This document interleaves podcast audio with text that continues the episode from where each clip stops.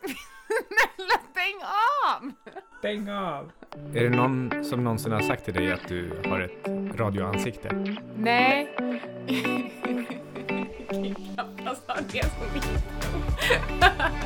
Vi har tagit en massa fotografier. Ska vi ha med dem i podden? Eh, Ja, det ska vi. Ludvig eh, var här och eh, agerade fotograf innan han sprang iväg på ett födelsedagskalas. Men syns de i podden?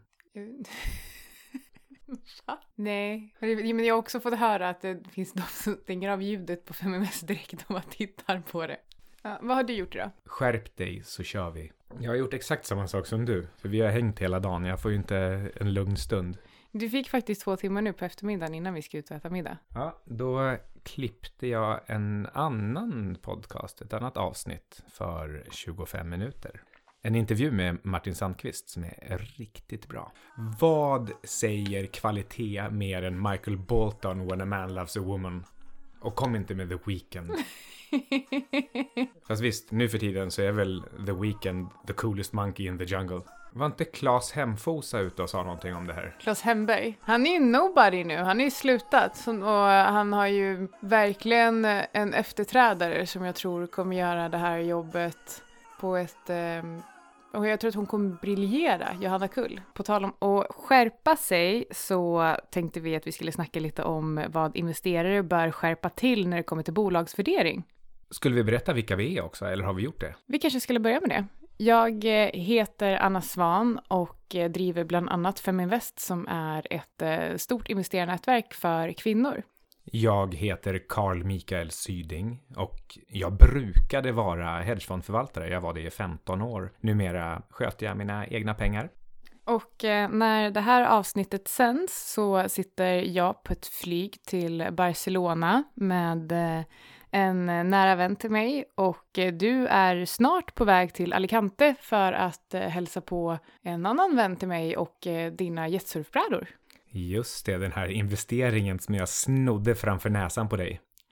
Ingenting hade gjort mig gladare än att göra dig ännu rikare. Det ska bli riktigt kul att åka ner och eh, dels köra brädorna och dels prata med återförsäljare och se hur det här projektet tar eh, liv på allvar.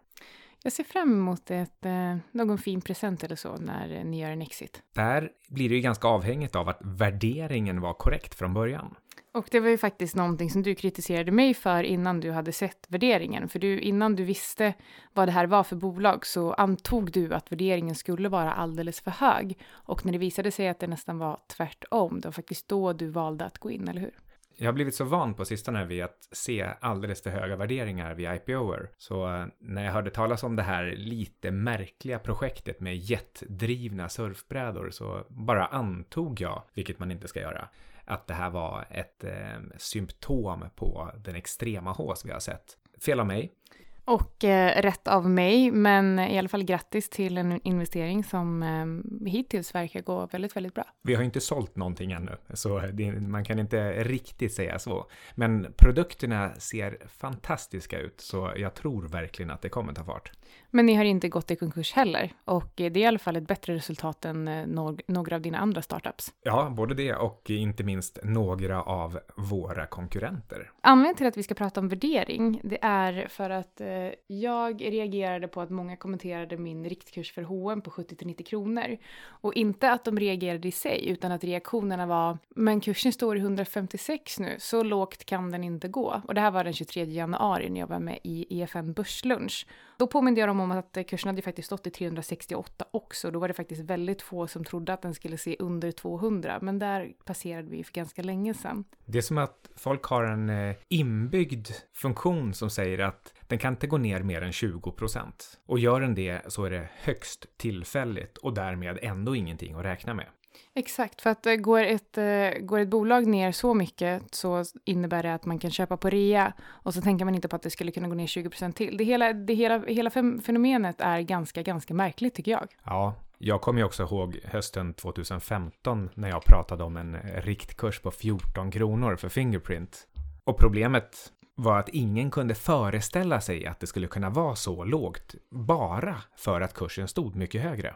Precis, så att eh, det vi ska prata om idag är alltså varför de allra flesta investerare sätter en värdering som ligger i relation till dagens aktiekurs utan att riktigt tänka ett steg till. Under min tid som förvaltare, då vet jag att analytiker satte ofta en riktkurs som var ganska nära dagens kurs. För om man stack ut för mycket, då fanns det skäl att att eh, förlora jobbet eller bli kritiserad. Dessutom så är det så att professionella analytiker och deras företag, de följer alltid upp vad riktkursen har varit historiskt och lägger det i relation till aktiekursen. Och då vill man att det ska se ut som att man aldrig har särskilt mycket fel. Och därmed så lägger man också riktkursen väldigt nära dagskursen. Så det finns en anledning till att man beter sig på det här viset. Och det här gör ju också att det blir extra viktigt för investerare som lyssnar på analytiker att förstå att analytiker har en agenda på det sättet. Och du kan inte riktigt lita på att, um, att de analyser du läser från professionella analytiker egentligen stämmer överens med verkligheten. Hur, hur kommer det sig att man sätter en eh, framtida värdering i relation till dagens, även om prognoser kan skilja sig väldigt mycket från hur det ser ut idag? Vilket års E ska vi prata om? När jag gick ut och pratade om H&M till exempel så byggde jag det här på att deras vinst per aktie skulle fortsätta sjunka. För det har de gjort de senaste åren och det kommer få, har fortfarande inte skett några fundamentala förändringar som får mig att tro att vinst per aktie ska öka.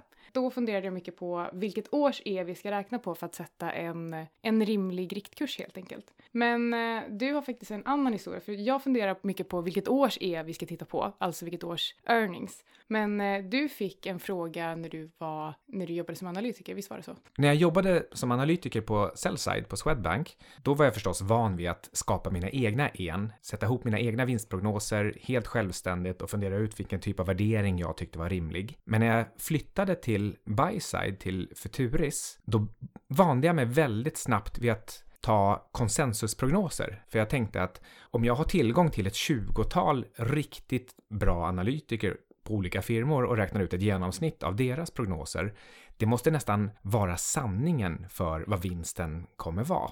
Och det gjorde att jag dessutom vande mig vid att PE-talet var någonting som fanns på riktigt, någonting konkret. Alltså om det stod att PE var 15 för Hennes och Maurits, då tog jag det som en sanning. Men i den här processen, efter att jag, jag hade lagt mig till med den här dåliga vanan ganska snabbt, då, när jag kanske kom med en rekommendation eller ett förslag, och sa ja, men, och P-talet är bara 78. Då kunde Micke Hasselqvist säga baserat på vems e?” Och det där tände till slut, eller tände igen en liten gnista i mig som gjorde att jag började ifrågasätta allt och framför allt det där att ena skulle vara någonting, eh, någonting fixt och konstant. Och eh, det där får mig också att tänka på, du sa att eh, P-talet kunde vara 78, men, men det är inte så intressant, utan det du och jag diskuterade förut när vi var ute med hundarna var att eh, om man antar att P-talet till exempel är 15 nu, så antar man att det ska vara det kommande år också. Men, om, men det är ett ganska bra antagande ofta. Det är ett väldigt bra antagande, men det man ofta glömmer av, om, om du säger bara det till en småsparare eller en investerare, då tror de att det betyder att aktiekursen ska vara minst det som dagens aktiekurs är, för att många tror att vinst per aktie till exempel bara kan gå upp. Så har du samma, eh, har du samma P tal men ett, en högre vinst per aktie så borde kursen rimligtvis stiga. Men det är faktiskt inte säkert att vinsten är densamma. Vinsten kan ju faktiskt minska också. Sen ska man också undvika att hamna i vinkelvolten. För om man tänker att ja, men det är P15 nu och det borde fortsätta vara P15 nästa år och då ska kursen stiga lika mycket som vinsten stiger och säga att man tror att vinsten ska stiga med 10 procent. Ja, men då kan man ju lika gärna handla upp den nu och då hamnar man på P16,5 nu. Men när det är P16,5 nu, då ska det väl vara 16,5 nästa år också. Och om vinsten ska stiga med 10 procent och sen så fortsätter man bara sippa runt i den här vinkelvolten. Nej, och det är det som är så svårt med just värdering. Och eh, jag vill förtydliga att det här avsnittet, även om vi säger att det handlar om värdering, så handlar det här alltså inte om att lära er hur man värderar bolag, men vi vill ge er ett nytt ta tankesätt när ni faktiskt ska värdera ett bolag i alla fall. Och där så är det första vi vill understryka att strunta i vad dagens aktiekurs är när du funderar på vad det här bolaget faktiskt ska vara värt. Och det här är precis samma grej som att du aldrig någonsin ska låta ditt gav påverka om du ska köpa eller sälja aktien. Jag lärde mig ju vad GAV betydde ganska nyligen och det är symptomatiskt för att vi proffs använder inte det för att det är ett dåligt verktyg som gör att du tittar på historiska inköpspriser när du ska ta beslut om huruvida du ska köpa eller sälja. Du ska bara fundera över framtiden när du tar det beslutet. Det enda som är relevant är vad är bolaget värt idag och vad tror jag att bolaget kommer att vara värt i framtiden? Jag vill förresten nyansera det här med aktiekurs och och eh, eh, värdering lite grann. Det här att man absolut inte ska låta dagens aktiekurs styra hur man, eh, hur man ser på bolaget. Det är ändå så att dagens aktiekurs, den är satt av alla andra. Och om du tror att det ska kunna ändras på något väsentligt sätt, då måste du tro att alla andra ska få nya insikter. Det här leder oss inte helt osökt in på eh, om marknaden är effektiv eller inte idag och om den kommer vara det i framtiden. Jag jag läser just nu boken The Singularity is near och jag la skämtsamt ut på min Insta-story att Micke alltid blir lite upprörd när jag säger på skämt till honom att jag tycker att vi redan lever i singulariteten för då säger han var det här allt? Och lite besviket. Men eh, jag träffade i alla fall två killar som eh, skriver en uppsats om hur framtidens finansbransch kommer se ut. Och eh, då hade de, frågade de mig vad jag trodde och vi pratade bland annat om effektiva marknader. För att du Micke fick ju till exempel lära dig när du pluggade att marknaden är typ effektiv. Ja, en del tycker att jag är lite konstig när jag pratar om singulariteten som att den faktiskt kommer inträffa och vi kommer kunna leva för evigt och alla möjliga andra spännande saker. Men någonting som är ännu konstigare, det är EMH, det här, alltså att det skulle vara effektiva marknader. Det var en sanning när jag gick i skolan. Möjligen så kunde man antyda att den kanske inte var sann i sin allra starkaste form, men i mer eller mindre så var den sann och i de fall som den inte riktigt höll så skulle man ganska snart komma till, till rättelse. Precis, och det jag tycker är intressant, jag är till exempel med och lanserar den här fonden Arabesk Systematic i Norden och det är alltså en fond som läser av 150 miljoner datapunkter på 15 olika språk. Om framtidens analytiker ska försöka tävla med den här typen av verktyg så kommer våra fysiska personer som sitter som analytiker vara, de kommer aldrig vara lika bra eller lika snabba.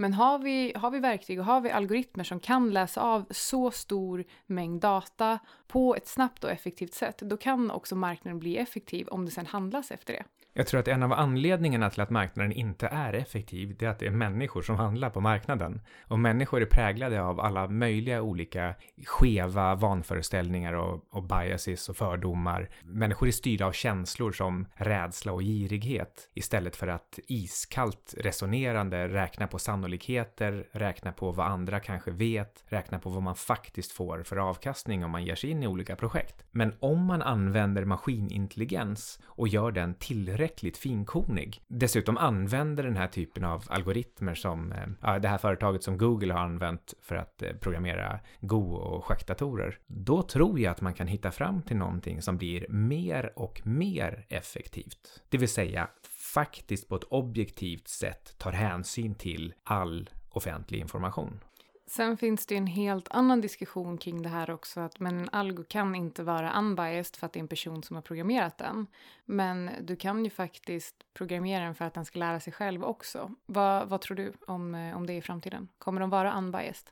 Väldigt svår fråga i och med att de börjar med biased datapunkter och sen kommer de själva ta beslut som är färgade av det här. Och de beslut som de tar och därmed påverkar marknaden kommer vara input i nästa iteration i, i den här processen. Men eh, jag tror ändå att man kan införa en variabel som försöker ta hänsyn till det här och, och aktivt försöker trada på ett, någon slags bias gap så, eh, och, och, och därmed så skulle det här gapet försvinna. Så eh, jag har ganska gott hopp om att eh, det mesta av ineffektiviteten ska faktiskt försvinna. Och därmed så kommer mänskligheten som, som helhet göra bättre investeringar. Vi kommer allokera kapital mer effektivt. Det tror jag också och jag tror att ett resultat av det här kommer vara att till exempel analytiker kommer försvinna i princip helt för att det finns ingen anledning att anställa en person som är mycket dyrare och tar mycket längre tid på sig att analysera ett bolag och dessutom inte har möjlighet att läsa av lika mycket eh, data som till exempel en algo har.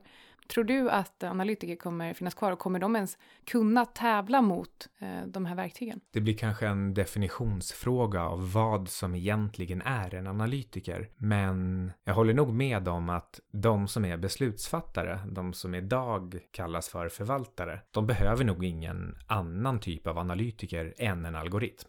Nej, och jag tror att ehm, jag tror att man kommer inte utbildas som analytiker på det sättet och jag tror att de som kommer jobba i finansbranschen i framtiden är de som är duk riktigt duktiga på många olika programmeringsspråk, men också har förståelse och kunskap om finansiella marknader. En annan fråga här, det är hur långt in i framtiden ska vi försöka se egentligen? Om man ser det här som någon slags rådgivning till någon som läser på högskola just nu, då tror jag nog att eh, även de kommande tio åren så finns det en ganska bra marknad för analytiker. Men att de analytikerna måste vara väldigt duktiga på att använda datorstöd. När jag läste eh, ekonomi till exempel, då läste jag ett program som heter Ekonomi och IT, så jag har faktiskt läst lite programmering och läst en del informationssystem och affärssystem också. Och jag tror faktiskt att det är en jätteviktig del av framtidens yrke i finansbranschen. Du kommer vara, dukt, du kommer vara tvungen att vara duktig på att eh, programmera på olika språk. En, en av mina absolut största sorger har varit att eh, jag inte är specialist på någonting och jag har alltid varit lite, inte avundsjuk är fel ord, men jag har alltid önskat att jag kunde vara bra på en sak. Nu eh, är jag istället eh, ja, typ halvbra på ganska mycket och har gjort, och gjort väldigt många olika saker och testat många olika grejer. Men jag har fått inse att min styrka är faktiskt det, att jag är väl mångfacetterad. Jag önskar precis samma sak och jag känner precis samma sak. Alltså att Anna bara är halvbra på ganska mycket saker och inte jättebra på någonting. Ett exempel på det är att jag till exempel kan slänga ihop en svinbra risotto, men om Micke ber mig göra pommes så blir det jättedåligt. Eller koka pasta. Eller ägg. Jag är bra på komplicerade saker och ganska dålig på enkla. Sammanfattningsvis har vi alltså pratat om värdering och hur viktigt det är att eh, titta på bolaget från, eh, alltså ur ett helikopterperspektiv och bortse från dagens aktiekurs och istället fokusera på framtida prognoser och vad bolaget faktiskt kan vara värt, inte vad det är värt idag. Och eh, sen har vi också pratat lite om eh, framtidens finansbransch, om analytiker kanske är ett yrke man ska eller inte ska satsa på, vad som krävs för kunskaper och bakgrund i så fall. Och eh, vi eh, vill också faktiskt tacka för all respons vi fick efter första avsnittet. Det var jätteroligt. Och den responsen har alltså kommit inom ett dygn från att vi la ut podcasten. För det här spelar vi in ganska precis ett dygn efter att vi spelade in den första. I alla fall ett dygn efter att vi la ut det första. Ja, tack för det klargörandet. Det tror jag säkert många som skrev upp. Och eh, med att jag hade rätt tycker jag att eh, vi avslutar det här avsnittet om värdering och eh, effektiva marknader. Har du något att tillägga, Micke? Hej då!